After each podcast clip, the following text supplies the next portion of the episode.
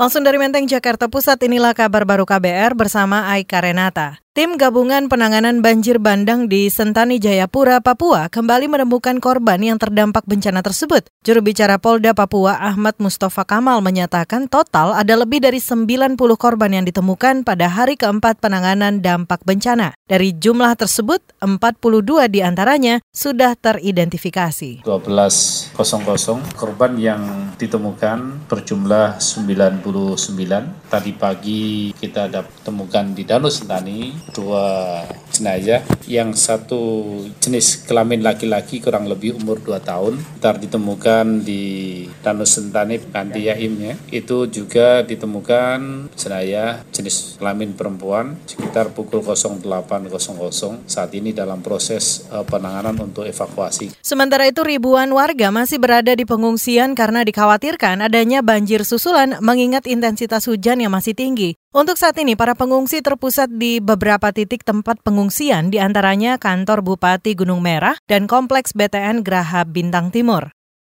Kita beralih, Direktorat Jenderal Pajak DJP Kementerian Keuangan menyatakan per 20 Maret 2019 sudah ada 7,6 juta wajib pajak yang telah melaporkan surat pemberitahuan tahunan atau SPT. Staf ahli bidang pengawasan pajak Puspita Wulandari menyatakan, mayoritas masyarakat wajib pajak melaporkan SPT melalui layanan e-filing atau pelaporan SPT melalui sistem elektronik terpadu. Eh, sekitar 6 5 juta wajib pajak di tahun 2018 meningkat 14,5 persen dari sebelum tahun lalu menjadi 7,6 juta wajib pajak tahun 2019. Dan bisa disampaikan dalam kesempatan ini bahwa dari data SPT tahunan sebanyak 7,6 juta yang masuk 94 persen lebih itu sudah memanfaatkan e-filing. Staf ahli bidang pengawasan pajak Puspita Wulandari menyatakan tahun ini DJP menargetkan sebanyak 18,3 juta wajib pajak yang harus melaporkan SPT-nya. Jumlah ini mengalami kenaikan jika dibandingkan dengan target tahun lalu sebanyak 17,5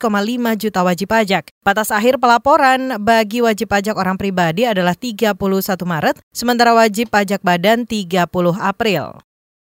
Kita beralih ke informasi lain, Lembaga Perkumpulan Peneliti Sosial Politik Cakrawikara Indonesia CWI menyebut perempuan menjadi kelompok yang rentan terhadap penyebaran disinformasi dan misinformasi. Ia mencontohkan dalam pemilu kehidupan pribadi caleg perempuan lebih disoroti ketimbang laki-laki. Selain itu menurutnya perempuan juga cenderung punya akses informasi yang lebih terbatas. Hal itu membuat disinformasi rentan bagi perempuan baik sebagai korban maupun penyebar. Kita bisa bilang bilang di tengah maraknya misinformasi disinformasi terlihat bahwa perempuan rentan selain dituduh menjadi penyebar tapi juga rentan menjadi korbannya. Apa? Ya karena memang dalam masyarakat yang budaya patriarkinya masih kuat, perempuan lebih jadi objek ketimbang subjek. Dia sering dibicarakan, disorot gitu ya. Ini memang jadi tantangan tambahan sih kalau bicara soal keterpilihan perempuan di pemilu. Direktur CWI Ana Margaret menilai salah satu solusi yang bisa dilakukan adalah memperbanyak informasi dan literasi digital yang mengedukasi agar perempuan tak jadi sumber penyebar disinformasi. Sementara itu, Ketua Presidium Sekretariat Masyarakat Anti Fitnah Indonesia Mavindo Valentina Sri Wijiati menilai masih ada stigma yang meragukan perempuan dalam berpolitik.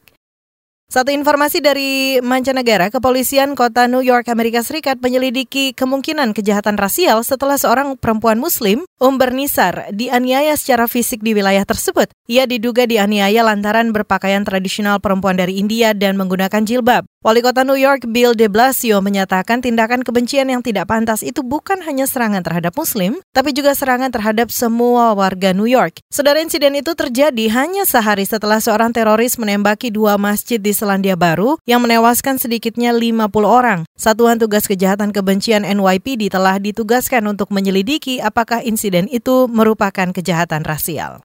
Demikian kabar baru dari kantor Berita Radio KBR, saya Aika Renata.